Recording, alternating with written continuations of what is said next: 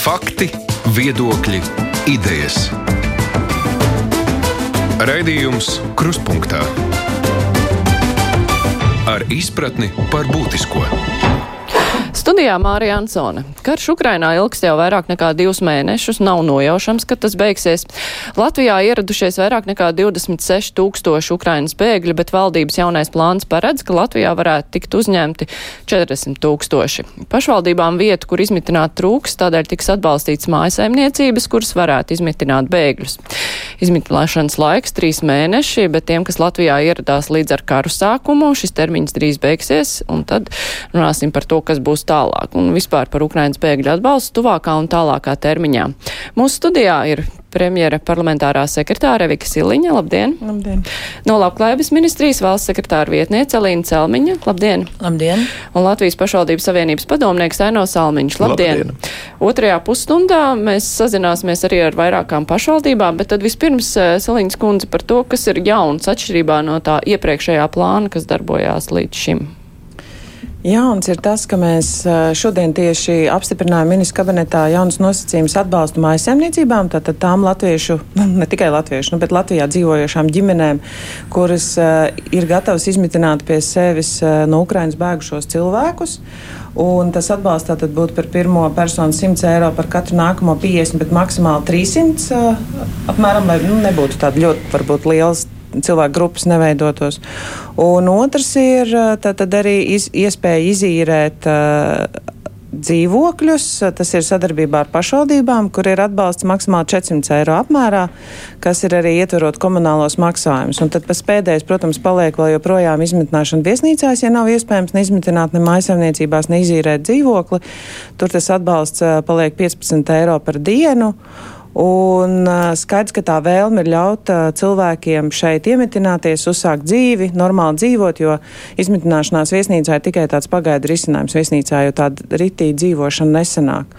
Un, jā, tas varbūt ir tas lielais jaunums, ko, ko gribās arī pateikt, kas ir tas svarīgākais, un turpinām tomēr arī domāt par nākamajiem risinājumiem, jo, protams, tur ir arī dažādi jautājumi par veselību, par to, kā viņi varēs mācīties. Mēs arī esam no premjera aicinājuši varam novienoties par to, izdot vienots kritērijs, tātad arī visām pašvaldībām, kā varētu Ukrainas paši cilvēki, kas atbrauc šeit, organizēt arī šos auklīšu pakalpojumus, jo likums tādu paredz, bet šobrīd pašvaldības ļoti nevienmērīgi to piemēro, dažādi maksā, bet ir skaidrs, ka dārziņu problēma mums ir un tāda iespēja ir paredzēta, kā, kā arī Ukraiņu paši cilvēki sev var organizēt šo auklīšu pakalpojumu.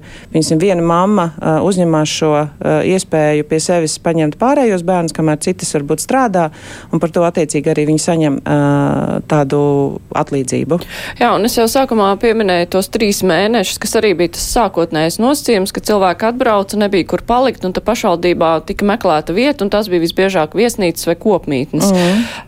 Ta, tagad kaut kādai daļai beigsies tie trīs mēneši. Kas ar viņiem ir tālāk? Vai viņiem jāmeklē dzīvoklis par tirgus cenām vai Nu, ļoti dažādi. Mēs, protams, vēlamies, lai viņi sāk strādāt, ja cilvēks ir sācis strādāt, jo darba iespējas Latvijā viņiem ir tādas pašas kā Latvijas iedzīvotāji. Mēs esam atvieglojuši visas prasības, man liekas, maksimāli arī neprasot uh, vairākās profesijās pat īpaši šos certifikātus, saprotot, ka lielai daļai cilvēku iespējams vispār nav dokumentu. Uh, tātad viņi var sākt strādāt un paši izīrēt dzīvokli, viņi var tātad izmantot uh, šo iespēju palikt pie kādas no ģimenēm, ja ir šāda ģimene, kas viņus ir gatava uzņemt, iespējams, tad neiztērējot visu šīs 90 dienas viesnīcā, saprast, ka viņi vairs negrib mitināties viesnīcā, bet iespējams viņi atrod kā ģimeni, kas ir gatava. Bet, tad, un tā ģimene to uzņemt. atbalstu saņems. Jā, un ģimene saņems tātad to atbalstu sākot nu, no lēmuma pieņemšanas brīža uh, 100 eiro par pirmo personu. Es jau, man liekas, minēju tātad to summu.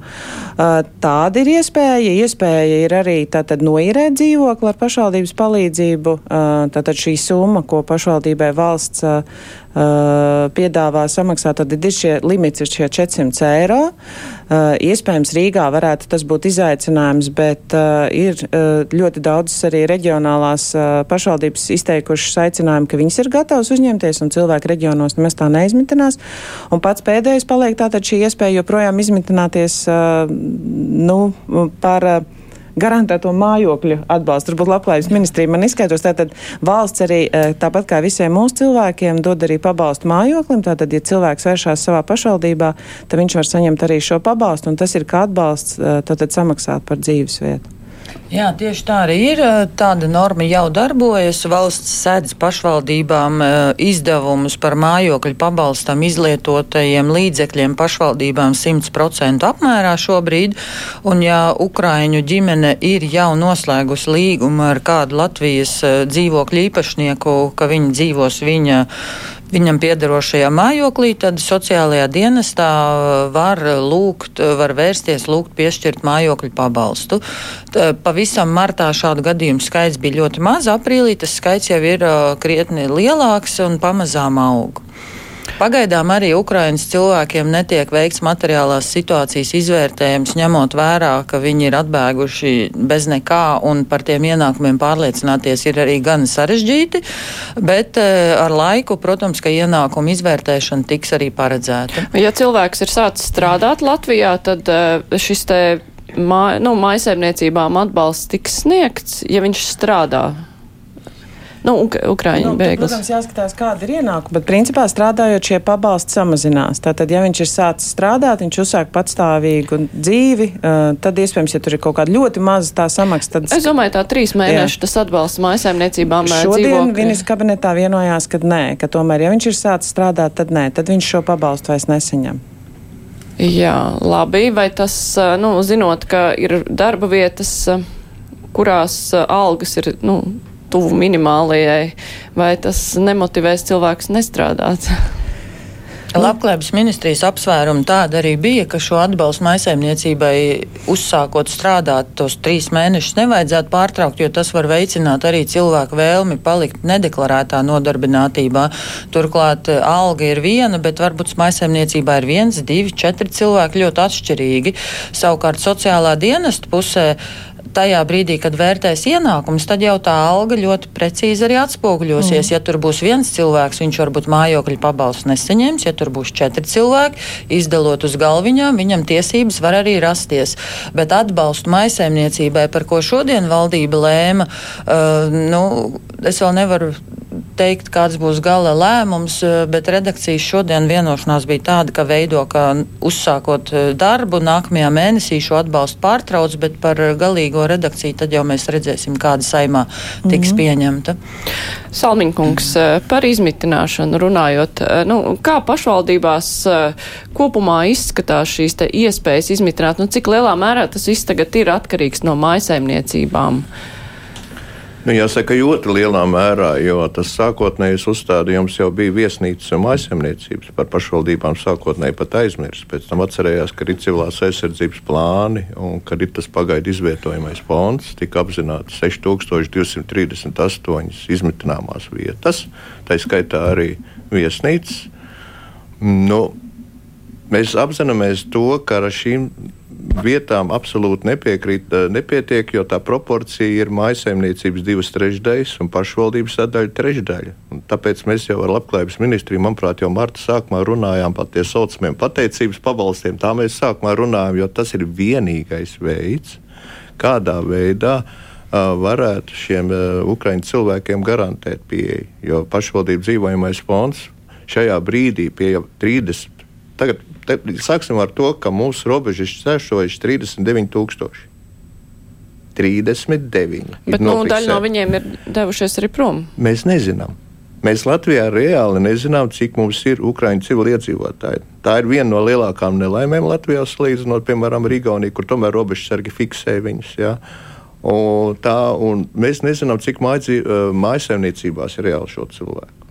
Mēs zinām, to, ka paš, pašvaldībās ir orientējoši ap 6000. Pašvaldībām nu, ir diezgan dažāds priekšstats eh, par to, cik viņu teritorijā ir. Tas ir izaicinājums pašlaik, kādā veidā pašvaldībām izvērtēt šo Ukraiņu civiliedzīvotāju mantisko stāvokli, jo datu bāzes mums nesakrīt. Ne sopa, ne pārējās lietas. Un tas ir tas jautājums, kas ir ļoti liels izaicinājums. Bet droši vien, ka tie cilvēki, kur nekur nereģistrējās, nu viņiem arī atbalsts nav nepieciešams. Jā, uz to ir vērsta mūsu politika un uz to ir vērsta tā mūsu domāšana tajā apstāklī, ka mūsu simpātijas pret tiem cilvēkiem, kas cieš, ir bezgalīgi ilgas. Un, un tas ir tas jautājums, ka tā kampaņa var strādāt vēl pāris mēnešus, taču tajā pašā laikā jārēķinās arī tas, ka atbalsti valsts beidzās siltumapgādē, no labs vasarā viņi nebūs, bet karstam ūdenim, tā tad arī tam cilvēkam, kas ir uzņēmis, vajadzēs dalīties. Un līdz ar to tas ir ļoti liels risks, vai šīs mājsaimniecības varēs tos ukraiņu cilvēkus pieņemt. Un tāpēc mēs ar Labklājības ministriju jau laicīgi domājām par to momentu, ka ir jāsniedz, tas ir, tas ir ļoti labs pasākums, ka tiek sniegts mājsaimniecībām atbalsts. Tas ir ļoti labi. Vai ar to pietiks? Grūti pateikt, vai pietiks Rīgai ar šiem 400 eiro, jo mēs zinām, kādas ir tirgus cenas.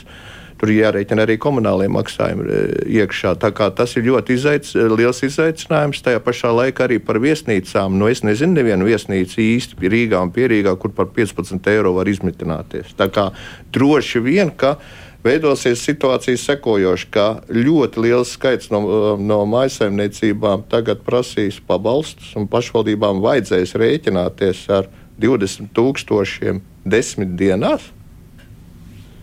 Tas ir pirmais jautājums, vai to varēs izvērtēt vai nē. Otra lieta, ko beidzot arī vakar saprata, un tur mēs arī ar Labklājības ministru esam runājuši, un esam runājuši saimā, tad mūs nedzirdēja, ka daudz lētāk ir iekārtot vai pielāgot viesnīcas, dienestu. Nu, piemēram, Liepājas piemērs. Divu stāvu pārbūve par 40 tūkstošiem dod iespējas izmitināt 200 bēgļus, nevis turēt dārgās viesnīcās. Nu, vakar tajā koalīcijas padomē bija runa par to, ka tas ir viens no momentiem, kādā veidā mums risināt jautājumus priekš. Tā kā jautājumi ir ļoti daudz. Es vienkārši gribētu izteikt ļoti lielu pateicību pašvaldībām un sociālajiem dienestiem, it īpaši, jo šie cilvēki strādā 12, 14 stundu režīmā, un, un šī slodze ir ļoti liela. Un tajā pašā laikā es ļoti ceru, ka tiks sakārtotas datu bāzes, jo mums pašlaik mēs strādājam vienlaicīgi trijās. Rīga bija izdomājusi savu, tagad izdomāja VOGD digitālo rīku, kas arī ir salīdzinoši neprecīzs. Mēs nevaram pārbaudīt, piemēram, ja cilvēks. Nu, vajadzētu ir, vienu. Nu, vajadzētu vienu. Es, piemēram, nevaru mm -hmm. pārbaudīt, cik cilvēks pārceļoties no Rīgas uz aizkraukli saņem sociālo. Mēs neredzam to. Līdz ar to tās lietas būtu jāsakārto. Mums jāizvērtē desmit dienās. Nu, jā, bet uh, par to, ko Salmiņa kungs teica pirms tam, par to, ka iespējams Latvijā ir daudz vairāk uh, bēgļu no Ukrainas, bet ka viņi nav reģistrējušies. Valdība rēķinās ar to, nu, ka šie cilvēki ir un ka viņi vienkārši pēkšņi uzradīsies, ka mēģinās kārtot uh, dokumentus un saņemt palīdzību. Vai valdības aplēses nav, ka tik daudz? Šobrīd būt? ir uh, reģistrēti 20 nu, tūkstoši. Jā, nu, tie, kas ir oficiāli reģistrējušies. Jā. Bet vienai daļai arī nav nepieciešami dokumenti, tāpēc, ka viņiem ir tātad šīs biometriskās pases, to mēs arī zinājām. Bet eh, šeit bija runa par to, ka viņi varētu pēkšņi parādīties, nu, kā cilvēki, kuriem nepieciešams sociālais, eh, sociālā bet kāpēc, palīdzība. Bet kāpēc, ja viņi šobrīd var strādāt? Nu, mums nevajag uz viņiem skatīties, es domāju, arī kā uz cilvēkiem, kuriem visiem vajag sociālo atbalstu. Man liekas, tas nav pareizs vispār tas uh, griezums, kādā mēs skatāmies. Tie ir cilvēki, kuri grib šeit strādāt, mēs viņiem šīs darba iespējas esam devuši, mēs viņu viņiem gribam palīdzēt un gribam viņus atbalstīt. Mēs gribam, lai viņi te mācās. Ļoti daudz ir sākuši arī mācīties, arī augstskolās. Tā kā es domāju, viņiem ir jāveido šeit normāla dzīve. Mēs negribam veidot sabiedrības grupu, kas ir atkarīga no sociālajiem pabalstiem. Man liekas, tas ir kā, nu, kaut kā jādomā vairāk par to, kā mēs viņus varam, nu, man nepatīk tas vārds integrēt, bet kā mēs viņus varam motivēt, iekļauties tajā ikdienas dzīvē. Skaidrs, ka lielākā daļa cilvēku atbrauc un viņi domā, ka viņi septembrī jau brauks prom. Tā ir viena liela tāda nu, kā lai pasaka, tendence, ka viņi negrib šeit arī slēgt ilgtermiņa uh, darba līgums, arī ilgtermiņa īres līgums. Bet, jā, mēs domājam arī risinam tālāk jautājumus, kā mēs varam varbūt pielāgot tādas lielākas telpas, kas būtu paredzētas dzīvošanai par saprātīgām izmaksām, kur varētu, nu, tāds lielāks skaits cilvēku dzīvot. Bet, protams, jādomā vienlaicīgi, vai tur ir tuvumā darba iespējas un skolas iespējas, jo nav noteikti jau mums ir daudz telpu, kur varētu izmitināt, varbūt pat tagad, bet ja viņi ir atrauti no skolas un no darba, nu, tas, protams, nav tas labākais piemērs. Tā kā par tādiem risinājumiem mēs vakar arī runājam politiskajā attīstības grupā.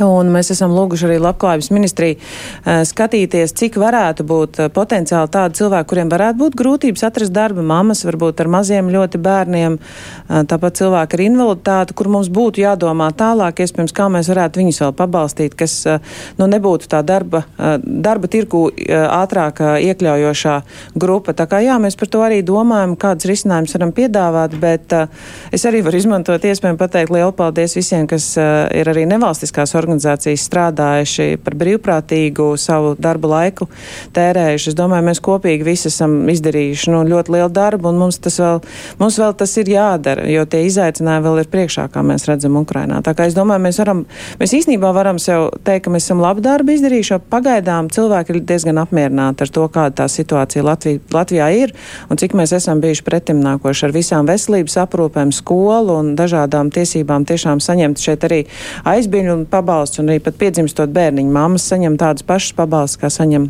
mūsu pilsoņi. Darba tirgus ir vērtēts, nu, teiksim, ja mēs paskatāmies uz to cilvēku struktūru, kur ir atbraukuši, tur ir, nu, bēgļu centrā jau var redzēt, ka ir ļoti daudz māmiņas, ir ar bērniem, ir, nu, arī cilvēki vien paši, kas, bet veci cilvēki, nu, teiksim, cik no viņiem ir tie strādātāji, kuriem to darbu vajadzēs un vai tas darba tirgus atbilst tam, ko viņi varētu piedāvāt, nu, ko viņi varētu strādāt, jo skaidrs, ka tur.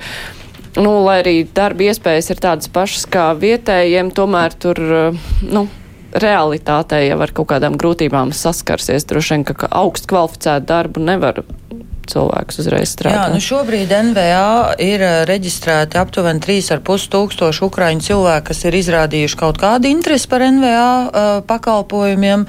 Uh, minētais 500 eiro darba uzsākšanas pabalsts ir izmaksāts aptuveni 1900 cilvēkiem.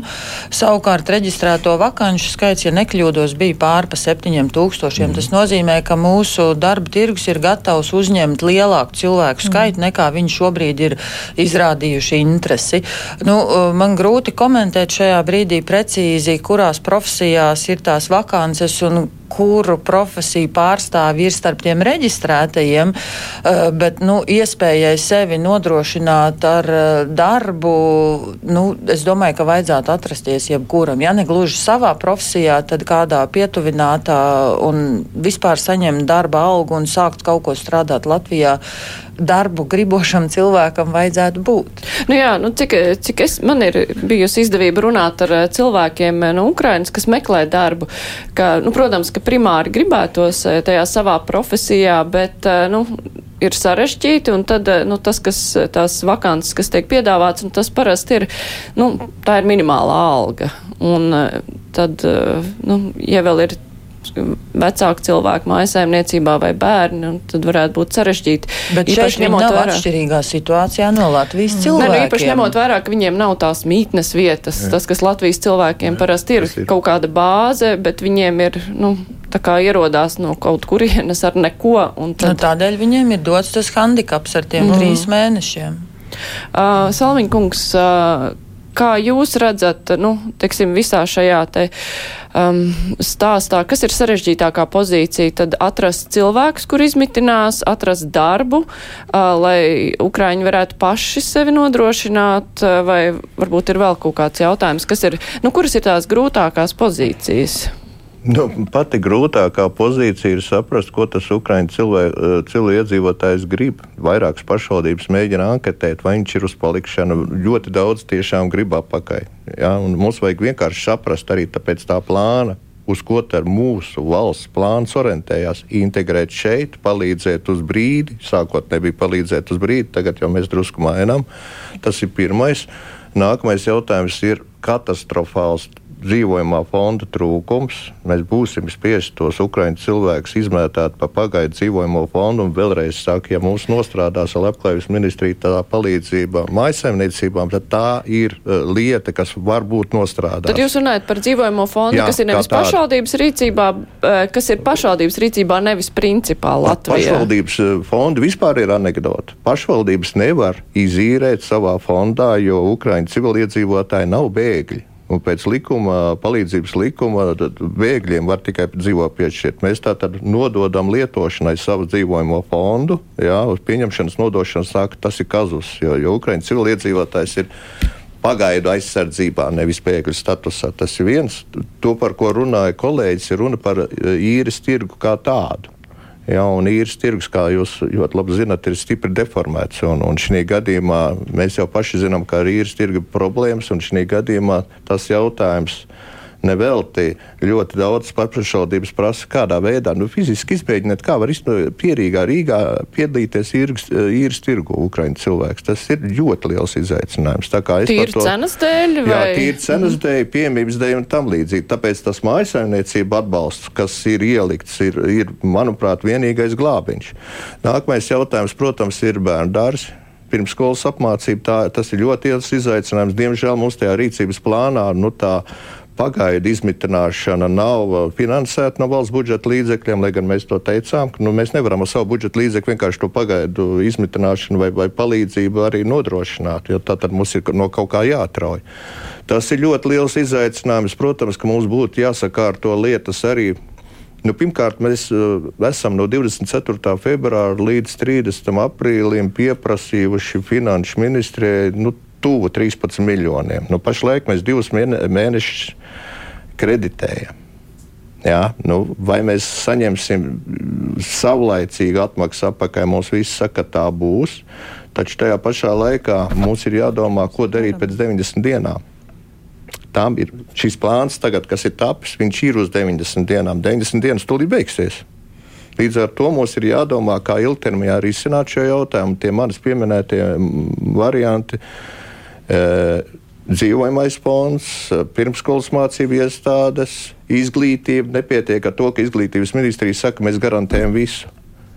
Mums neatbalsta transports, pašvaldību teritorijās tās skolas nereti ir uh, jābrauc stundu pusotru stundu, 70 km vismaz ir attālums. Tā kā arī tas ir jārēķina iekšā. Jā, diemžēl tas iet uz mūsu rēķina. Tā kā tur iet virkni tādu jautājumu, un pats galvenais, nu nebija pats, bet ja mēs sakārtosim datubāzes, mēs ieknosim naudas līdzekļus, ja mums izdosies uh, vakar uh, koalīcijas padomē apstiprināt to realizēt, ka mēs dzīvomo fondu iekārtosim Nevis to, ko mums nereti finanšu ministrs pārmet, ka jūs uz šīs nelaimes rēķina mēģināt sakārtot savu dzīvojamo fondu. Nebūtu nav tā. Ir virkni piemēru, kur izlietojot minimālus līdzekļus, mēs tās telpas iekārtojam. Jā, lai varētu, nu, un te jārēķinās, ja tas cilvēku skaits pārsniegs 40 tūkstošus, tad šis līmenis uzņemšanai, protams, ka kritīsies. Mēs būsim spiesti pielāgot skolas, bērnu dārzus, kas ir pamests, un tam, tam arī būtu jāparedz līdzekļi. Tā kā šeit izaicinājumi ļoti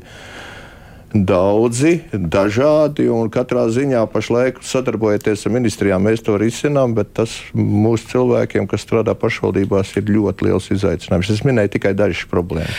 Um, bet es saprotu, tas... ka tam neviens īsti nav gatavs. Tas ir process. To nevar arī pateikt kādam pārmest. Nu, nu, tas, tas visiem ir izaicinājums. Tas problēmas noteikti jā. iezīmēs līdzīgas, kādas ir mūsu pašu cilvēkiem. Un ar dzīvojamo fondu mums jau ir gadiem problēmas atrast tādu uh, jaunai vai ne tik jaunai, bet ģimenei ar ar bērnu normālu mm. dzīvojamo platību, jo daudz varbūt ir tādas neizremontētas dzīvojamās platības, bet skaidrs, tur vajadzīgi ieguldīt līdzekļi, un bieži vien nav ne latviešu vai, vai Latvijā dzīvojošām ģimenēm tādu līdzekļu nav arī šobrīd Ukraiņiem. Tā kā, jā, zināmā mērā šobrīd šī situācija ar Ukrainas uh, cilvēkiem mums arī izspoguļo mūsu tādas problēmas, un par datu bāzi man arī jāpiekrīt. Mēs arī ļoti gaidām, kad iekšlietu ministrija varētu nointegrēt šīs datu bāzes, lai mēs varētu gan izsekot un saprast, kādas ir tās cilvēku vajadzības, lai arī, protams, varbūt izvairītos no kaut kādām tādām krāpniecībām, kas varbūt ne par labu mums visiem liecinātu, ka tas varbūt nebūtu labi ne pašvaldībām, ne mums.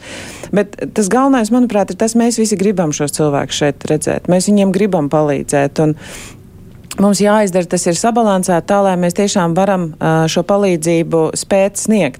Skaidrs, ka kaut kādā brīdī, ja tas skaits būs ļoti liels, kā mēs redzam daudzās Ukrainas kaimiņu valstīs, Polijā, Moldovā, nu, protams, nepietiek to dzīvokļu, un tāpēc mēs domājam arī par kaut kādiem tālākajiem risinājumiem. Cerot tomēr, nu, ka mums nebūs varbūt tādi cilvēkam nedraudzīgi vai ģimenēm nedraudzīgi risinājumi jāpieņem, bet par tiem ir jādomā. Mēs vakar, tāpēc jau es arī minēju, esam runājuši, ka mēs varētu pielāgot kādas tāpas, kas īstermiņā ir pielāgojums. Protams, ne deviņu mēnešu, varbūt remonti vajadzīgi, kā tur sākotnēji pašvaldības bija piedāvājuši, bet tiešām kaut kas ir daudz maz adekvāts, par ko var runāt, lai tiešām krīzes gadījumā vai īpaši liela cilvēku pieplūtuma gadījumā mēs arī tur tos cilvēkus varētu uh, izvietot. Bet, uh, Nu jā, katrā gadījumā es domāju, arī pašvaldībām šis ir ieguvums. Tas, ka viņiem parādās vairāk cilvēku, tas, ka arī tie pabalsti, ko valsts šobrīd uh, sedz, lielākā daļā arī palielina pašvaldību budžetus, tas katrā ziņā nu, arī tāds finansiāls ieguvums un arī, protams, es domāju, arī uh, emocionāli. Tas ir ļoti svarīgi, lai kā mums arī iet un lai tie izaicinājumi būs, tas ir viennozīmīgi, bet ka mēs to darām un ka mēs kopīgi šos risinājumus meklējam. Mēs arī sadzirdējuši esam no pašvaldībām, ka ir vajadzīgi fleksibli šie risinājumi, jo tā situācija visās pašvaldībās nav vienāda. Tas, kas dar Rīgai, nedara varbūt tur reģioniem. Savukārt, tad, kad viena cilvēka, kā arī minēja Aino, negrib izstāstīt, cik ilgi viņš šeit plāno palikt, viņi nezina bieži vien. Tā kā mums jādomā par tādiem ilgtermiņa risinājumiem, mēs domājam vienā virzienā, kā mēs varētu tomēr ļaut viņiem šeit iedzīvoties, bet arī jāļauj viņiem pateikt, ka mēs ne, mēs vairs te negribam palikt un, nu, nav viņiem jāmaksā soda naudas par īres līgumu laušanām vai kaut kas tam līdzīgs. Tā kā, nu, tā situācija ir izaicinājumiem pilna, bet kamēr, nu, es saku, mums visiem ir tā vēlme palīdzēt, man liekas, tas ir tas pozitīvais, kāpēc mēs spējam arī atrisināt daudz jautājumus. Jā, bet, nu, ja tas sākotnējais uzstādījums bija, ka visiem cilvēkiem, kur ir ieradušies, visiem tika jumts virs galvas nodrošināts Jā. un visiem tika nodrošināts ēdiens, uz ielas nepalika neviens. Ne. Uh, tas tālākajā perspektīvā tā pieeja būs tāda pati, jo nevar jau zināt, nu kā, nu kuram veiksies ar to darbu atrašanu un ar visu pārējo. Uz ielas nepaliks neviens. Nu, uz ielas jau arī Latvijā, principā, šobrīd neviens nepaliek. Ir dažādi atbalsti, tieši tie paši sociālai atbalsti, kas ir Latvijas e, iedzīvotājiem, tādi paši ir arī Ukrainas iedzīvotājiem. Mēs esam par to vienojušies sākotnēji. Tas, kas ir Lat Latvijas iedzīvotājiem, tādas pašas garantijas arī Ukraiņas iedzīvotājiem, izņemot dažus izņēmumus, varbūt, kur mēs, kā teica kolēģi no Labklājības ministrijas, mēs varbūt vairāk palīdzam sākotnēji Ukraiņas cilvēkiem, saprotot, ka viņi atbrauc pilnīgi bez nekā. Šis krīzes pabalsts, uzsākot darbu un daudzas varbūt tādas citas lietas sākotnēji. Jautājums ir, cik ilgi mēs varam atļauties izmitināt, jo trīs mēneši ir pietiekoši ilgs laiks, lai cilvēks sākotnēji saprastu, vai viņš var strādāt, nevar. Tāpat kā es minēju, arī šīs auklītes atrast, vai mēs atrisinātu šīs lietas, tad mēs varam skatīties skatīties, kuras ir tās grupas, kurām vēl mēs palīdzam tātad ilgāku laiku. Bet noteikti būs kaut kāda daļa cilvēku, nu, kuriem būs vai nu jāiedzīvojas, vai jāsāk kaut kāda patstāvīga dzīve. Jo mēs noteikti arī nevaram nedomāt par mūsu pašu iedzīvotājiem, kuriem arī, protams, ir daudz jautājumu. Viņi arī grib līdzvērtīgu atbalstu saņemt, un es domāju, ka tiem nosacījumiem jābūt ir vienādiem gan Latvijas cilvēkiem, gan arī tiem, kas atbraukuši. Salmiņkungs īsi, jā, nu, ja var. Jā, divas, ot, trīs lietas vairāk arī nē. Pirmais tātad ir atbalstām aizsardzībām, ko jau es minēju. Otra lieta, ka mums būtu jādod signāls tām aizsardzībām, ka valsts un pašvaldības ir kopā ar viņiem, jo nu, uz, uz, tas, ko mēs tagad piedāvājam, ir īstermiņa risinājums. Tā ir kampaņa. Kampaņas nekad nav mūžīgas. Tas ir pirmais. Otrs, mums būtu kā pašvaldībām jāzina šīs 90 dienas plus. Mēs uzskatām, ka, un droši vien arī mani kolēģi, kas vēlāk pieslēgsies, teiks to pašu, ka tas sociālajie pakalpojumi būtu jāturpina vēl vismaz šādā termiņā.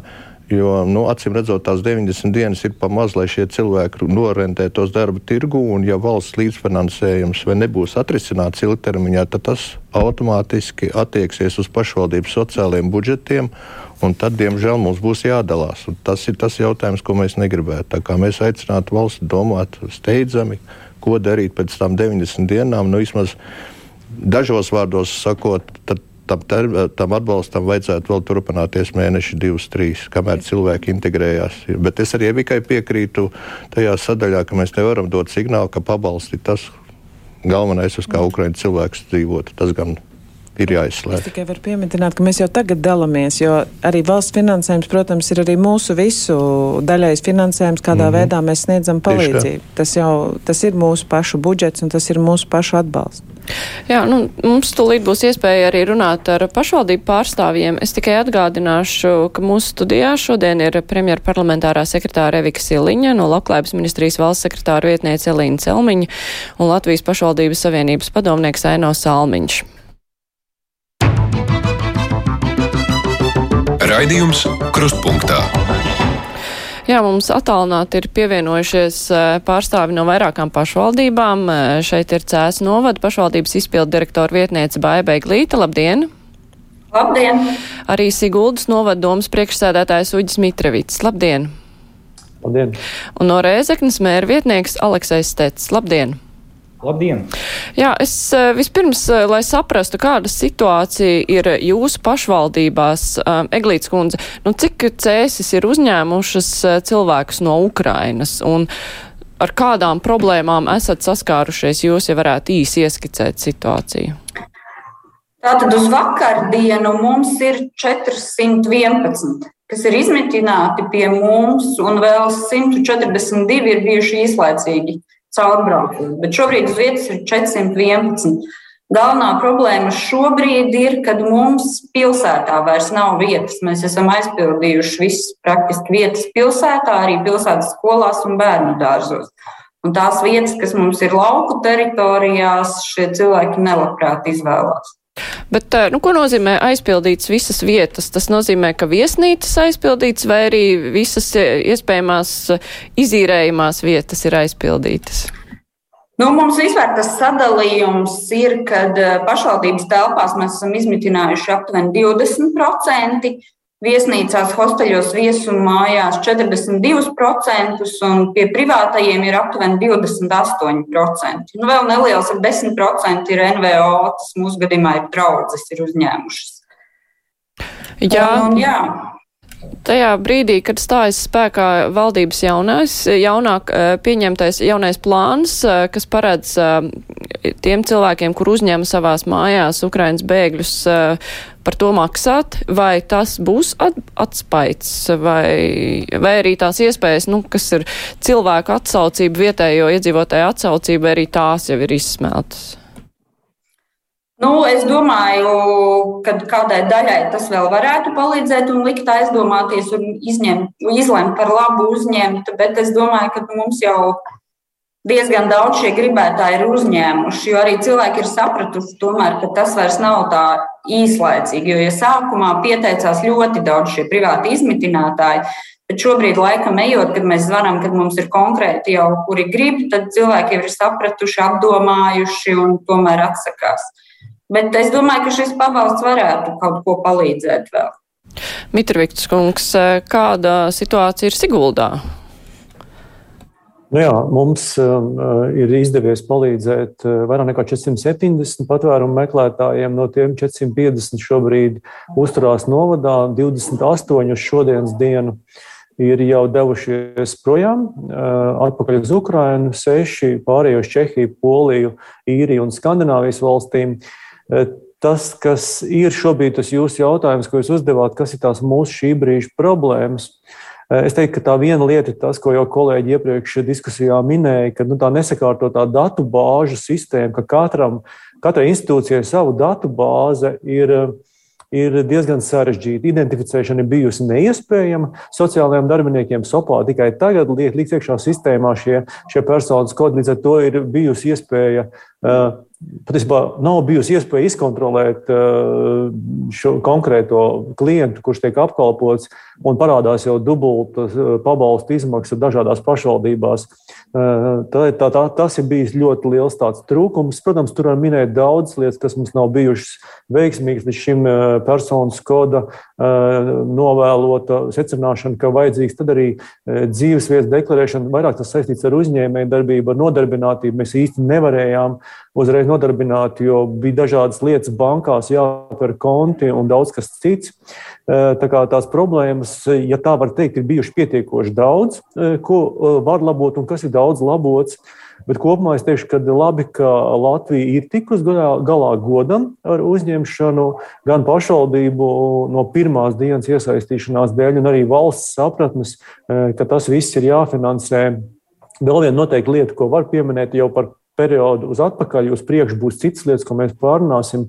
Iedzīvotāji, vietējā kopiena jau sāk dusmoties nedaudz atsevišķos gadījumos, ka nevar saņemt tik ātri pakalpojumus. Tik ātri paš, pašvaldības sociālais dienests nereaģēja, jo fiziski tas nav iespējams. Mūsu prioritāte šobrīd ir apkalpot Ukraiņus.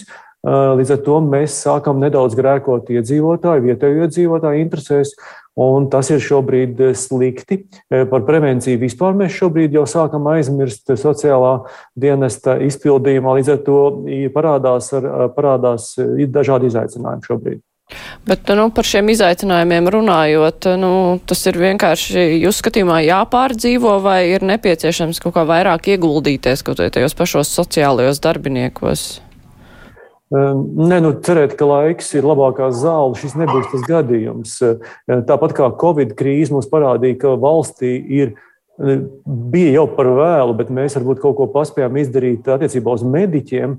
Tad šī krīze uh, parāda, ka mums ir pēdējais brīdis uh, guldīt iekšā sociālajos dienestos naudu, un te ir jābūt arī valsts politikai, tā skaitā noteiktiem ministra noteikumiem, kas nosaka atalgojumu griestus, kas šobrīd ir tādi, kā ir, un mēs vienkārši fiziski nevaram samaksāt vairāk. Ir daudzi mājas darbi šobrīd uh, valstiski pieņemt lēmumu, ka šajā krīzē mums ir jādomā par sociālo dienestu, sociālo darbinieku noturēšanu un, un, un skaita papildināšanu. Tas ir, tas ir tas, kas mums ir jādara uz brīnumu, mēs varam necerēt. Bet nu, tā kopumā tad ar tādu, nezinu, īres tirgu vai nu, vispār vietām, kurš, kur vēl varētu cilvēki tikt izmitināti, tajā skaitā maisaimniecībās ar nodarbinātību nu, tur tās iespējas vēl ir palikušas kaut kādas vai griezti ir sasniegti? Nē, nu, par nodarbinātību Siguldā ir 700 brīvas darba vietas. Tajā skaitā apmēram 170 ukrāņu patvērumu meklētājiem. Te nav jautājumu. Tas, kas mums tuvojās, mums tuvojās pēc mēneša ļoti liels problēmas.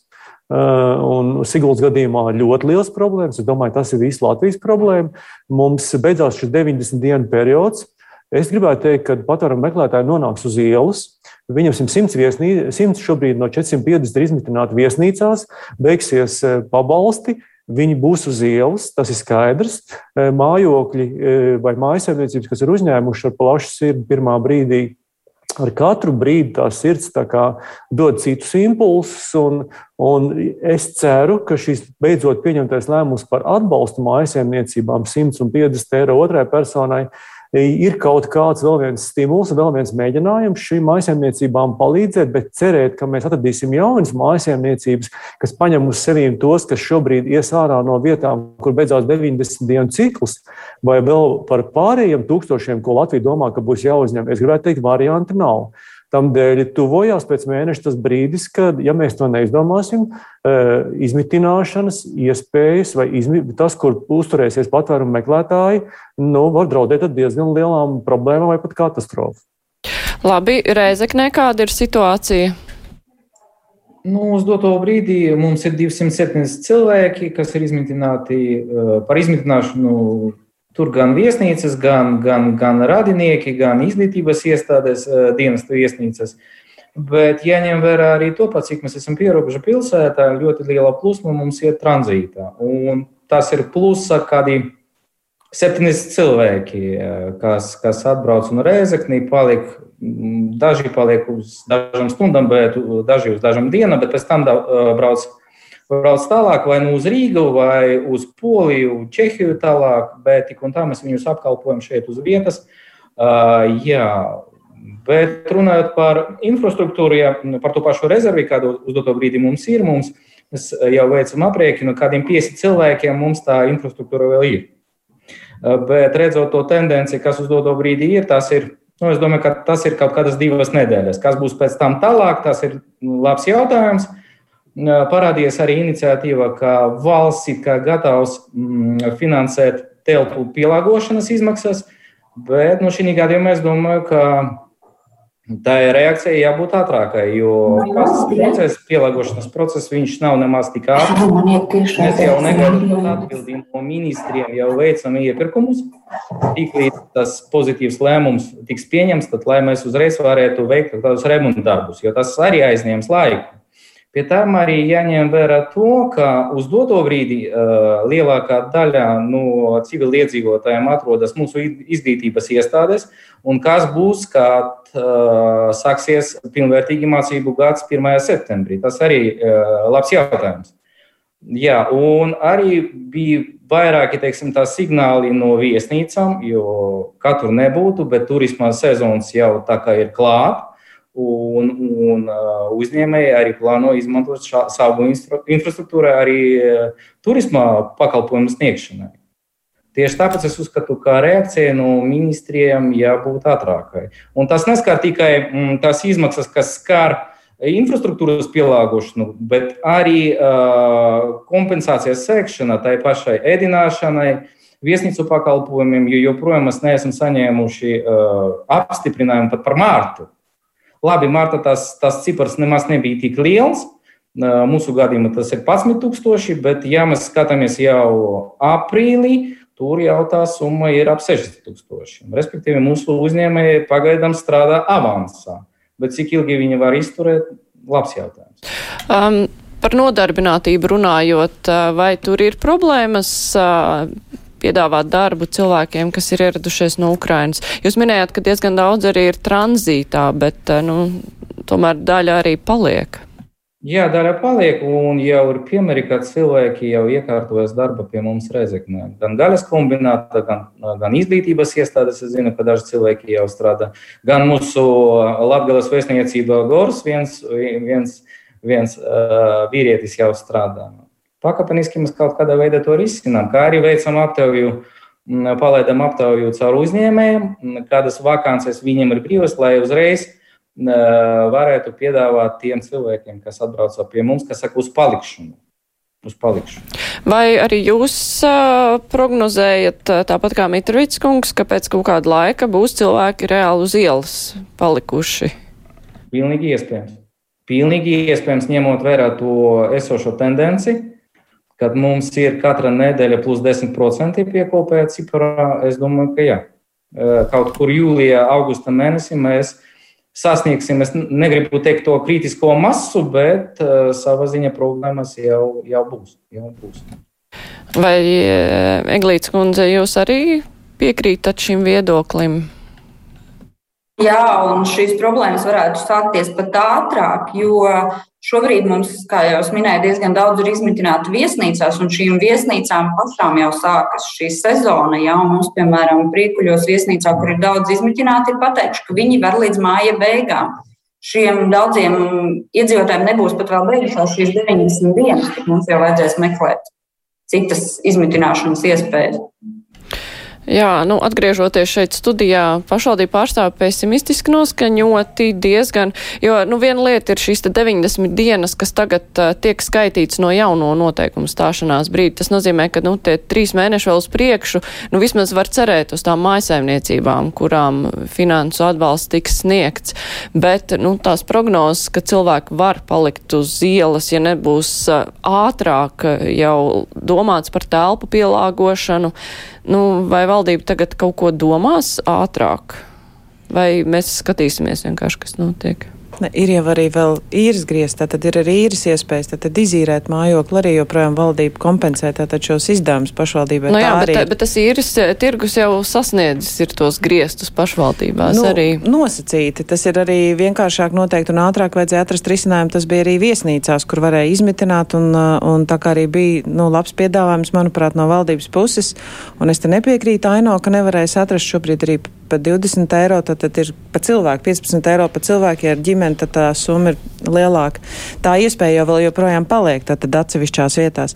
Bet, nu jā, kā es teicu, mēs runājam tālāk, meklējam, kādi varētu būt tie risinājumi, jo, ja mums uh, ir iespējams pielāgot ātri kaut kādas telpas, viņas, viņas ir lietošanas kārtībā, un tur vajag, nezinu, matračus nopirkt un, nu, toleti varbūt izremontēt, uh, tad tas ir iespējams, bet, protams, ja tur jātais kapitālais remonts skaits, mums nevaram gaidīt tik ilgi, tas mums nedara. Tā kā, nu, par tādiem risinājumiem runājam, skatāmies arī par izmaksām, es jau to teicu, arī jāskatās, vai darba iespējas un izglītības iespējas klāt, jo, uh, man liekas, cēsu kolēģi jau minēja, ka uz lauku teritorijām cilvēki atrauti pavisam no pilsētas nav gatavi nemaz doties. Bet, nu, ar ko, ar ko tagad tiek runāts par to iespēju, nu, ja nu kas tad ātri pielāgot? Vai nu, ar pašvaldībām atsevišķi tiek runāts, vai nu, kā tas notiek, vai arī tā, kad nu, būs problēma? Tad... Nē, varamām mm. ir uzdevums tātad apzināt tādas telpas, kur varētu izmitināt par konkrētu summu, kas nepārsniedz kaut kādus izdevumu griestus. Un būtu kaut kāds arī konkrēti kritiskā masa, nu, cilvēku skaits, lai nebūtu, varbūt, tur, ka mēs izremontējam māju, kur piecus cilvēkus ir izmitināti, tad, tad, lai būtu pietiekoši liels cilvēku skaits un pietiekoši ātrumā. Tad, tad tādas uh, telpas uh, varamam ir jāapzina, un tad mēs nākamajā attīstības komitē arī par to diskutēsim. Kaut kādu liepājas variantu jau uh, pieminēja, tā kā jāskatās, varbūt, ka tas varētu būt viens no pirmajiem posmiem, bet mums jau par to ir jānovienojas. Finansējums pašvaldībām sociālās palīdzības sniegšanai būs? Jā, ir jau pašā sākumā mēs bijām vieni no pirmajiem, kas vienojās par to, kāda būs pārskata forma, kādā veidā iesniedz, lai tie izdevumi būtu pārskatāmi un precīzi atsekojami un atlīdzināmi. Un loģiski, ka pirmais mēnesis varbūt bija mazliet sarežģītāks, kamēr eh, pašvaldības visām ministrijām iesniedza, tās saskaņoja un tad vēl savukārt aizlaida tālāk uh, līdz finanšu ministrijiem valsts kasei, bet uh, vismaz attiecībā uz labklājības sektora izmaksas pagājušās nedēļas nogalē ir jau veiktas. Iespējams, ka viņas ir sasniegušas pašvaldību, un tām vēl ir jānoreikinās tālāk ar uh, savām vietām, vai uh, nu, attiecīgi jāatliek atpakaļ tas, kas ir iztērēts cilvēku sociālajiem pabalstiem.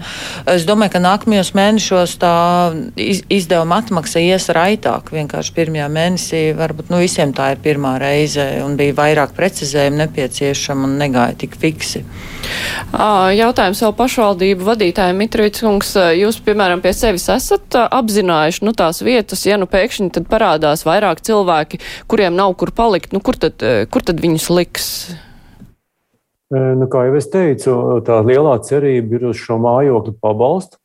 Eh, ka tas iedos to nu, virzienu, kas, eh, nu, tad, kad tas pabalsts stāsies spēkā, es ceru, ka šovakar, lai mēs saprastu, cik mums daudz problēmas ir priekšā, eh, kādā veidā mājokļi palīdz nokompensēt šo, šo, nu, šo vajadzību. Tas ir viena cerība. Skatīsimies, pēc tam, kad tas stāsies spēkā, kāda atsaucība būs. Pašvaldība var arī kaut kādās vēl savās bijušās skolas telpās vai vēl kaut kur šāds iespējas atrast bez nekādiem eiro remontiem un bez naudas šķērdēšanas. Un tomēr tas ir meža vidus salīdzinoši. Tā, tā ir atkal loģistika, transports, tur nav darbvietas, tur nav bērndārs blakus, tur nav skola. Tas viss ir ļoti, ļoti sarežģīti. Bet, ja mēs tuvojamies tai stadijai, kā Polija vai, vai vēl kāda valsts, kur aizmitināja ir eh, sporta zālēs, tad, tad, tad, tad tā būs jādara. Un tad sporta zāle droši vien būs otrā vai trešā rindā aiz, aiz bijušo skolu telpām, kuras būs jāpielāgo. Līdz ar to es teiktu, ka tāda, nu, tāda super risinājuma nav. Un, un mēs tiešām šo mēnesi domāsim, ko mēs darīsim ar tiem simts, ko es teicu, kas ies ārā no viesnīcām. Un, un arī no tiem, kas tiešām no mājsaimniecībām, kur, kur cilvēki teikt, arī teiks, paldies, es esmu izdarījis savu misiju, trīs mēneši beigušies, paldies, tālāk pašvaldība tiekat galā. Līdz ar to es neredzu liels risinājums šobrīd teikt, ka mēs ar to tiksim galā. Cēsīs ir plāns B. Arī šobrīd eh, īsti nav tāpat kā Siguldā. Līdzīgi mums ir šīs lauku teritorijās skolu internāti, kur varbūt bez ne ļoti lieliem ieguldījumiem mēs varam izman, izmitināt. Bet jā, tur uzreiz ir atkal šī problēma. Skaidrs, ka tur šie iedzīvotāji darbu vietas neatradīs. Un eh, par to, jā, ko mēs darīsim un kā mēs darīsim, arī mums bija šīs viesnīcas jāatbrīvo. Mēs arī lemsim tuvākajā laikā, nāksim kopā, bet mums šobrīd arī nav tāda laba risinājuma. Un Rezeknē? Uz doto brīdī mēs gatavojam divas telpas. Viena telpa tā ir uh, sporta zāle 4. vidusskolā, otrā telpa tā ir aktu zāle Poļu gimnāzijā. Jau ir veiktas cenu aptaujas. Nu, jā, kā jau teicu iepriekš, vienkārši gaidām atbildību. Bet uzreiz gribu pateikt, ka šīs telpas uh, tiks nodrošinātas tiem, kas brauc tranzītā. Jā, tas, tas būs primārais. Jā, nu, respektīvi, plāns B kaut kādā veidā mums ir.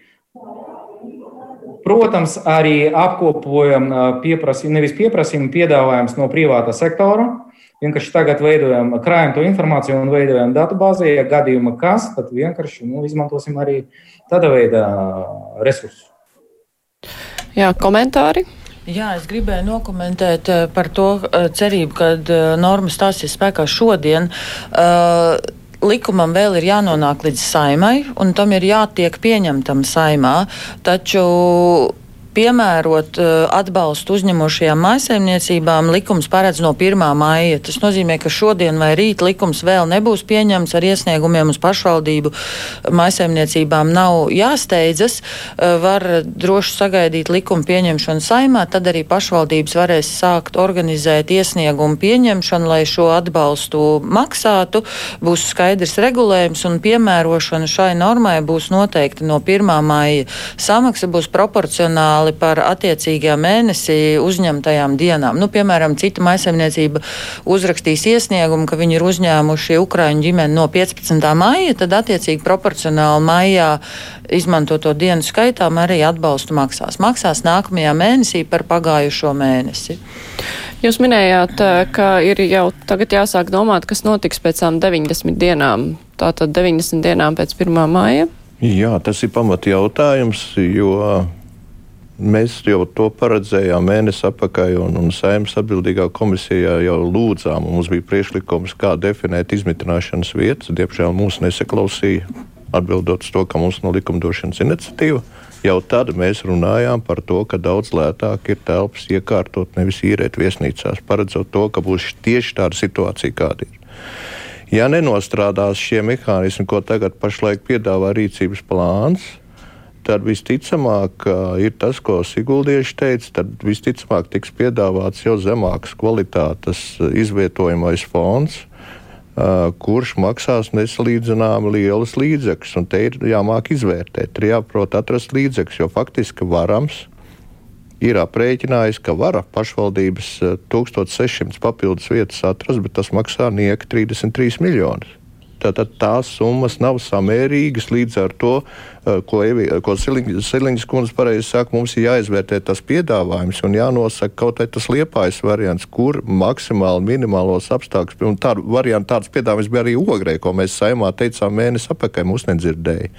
Beidzamais laiks ir pie tā atgriezties, un mums ir steidzami jādomā par rīcības plānu 90 dienas plus. Pretējā gadījumā būs tas, ko Cēsis piedāvā un Sigulda. Tas ir steidzams jautājums, ko visas pašvaldības gaida un, un, un jo ātrāk, jo labāk. Pavisam īsi palikus pusminūte sarunai, tad par to tiks domāts, kas, uzreiz, kas notiek pēc tam 90 dienām. Mēs par to tiks domājam. domāts jau tagad. Jā, jau tiek jau domāts. Domājam, mm -hmm. Tas mājasēmniecība atbalsts jau arī zināmā mērā attiec jau ilgāk nekā uz šīm jā. 90 dienām. Jā, tas, attiec, tas jau ir risinājums, un kā jau es minēju, mēs uh, domājam arī par pielāgošanu, bet nevis par 34 miljoniem, kur ir nu, tiešām tie ieguldījumi milzīgi un atdevi ir maza. Tā kā tur būs visdrīzāk jādomā par kādu īpašu komisiju, kas var izvērtēt, kuras ir tās telpas, lai ātri to varētu izdarīt. Bet, protams, ir plāns C varbūt, kas, protams, paliek sporta zāles, jo, ja mums ir milzīgs pieplūdums, tad, nu, mums ir bēgļu masu izvietošanas plāns, un tad, nu, tad ir skaidrs, ka mēs neatradīsim dzīvojamo fondu, jo mums viņi vienkārši nav. Nav ne mūsu cilvēkiem, ne tiem, kas atbrauc. Tā kā noteikti arī par to jādomā. Tad sporta zāles tiks pielāgots un arī teltis ir. Bet uz ielas es nedomāju, ka cilvēki paliks. Jā, nu, atliks, atliks tikai cerēt. Jā. Nē, nē. Atliks tikai cerēt, cerēt uz situācijas atrisinājumu Ukrainā. Pirmkārt, lai bēgļi vairs, bēgļiem vairs nenāks doties šurp. Es saku paldies pašvaldību pārstāvjiem no Cēsīm Baibai Eglīti, no Siguldas Uģis Mitrovics, no Rēzeknes Aleksēs Strets bija kopā ar mums.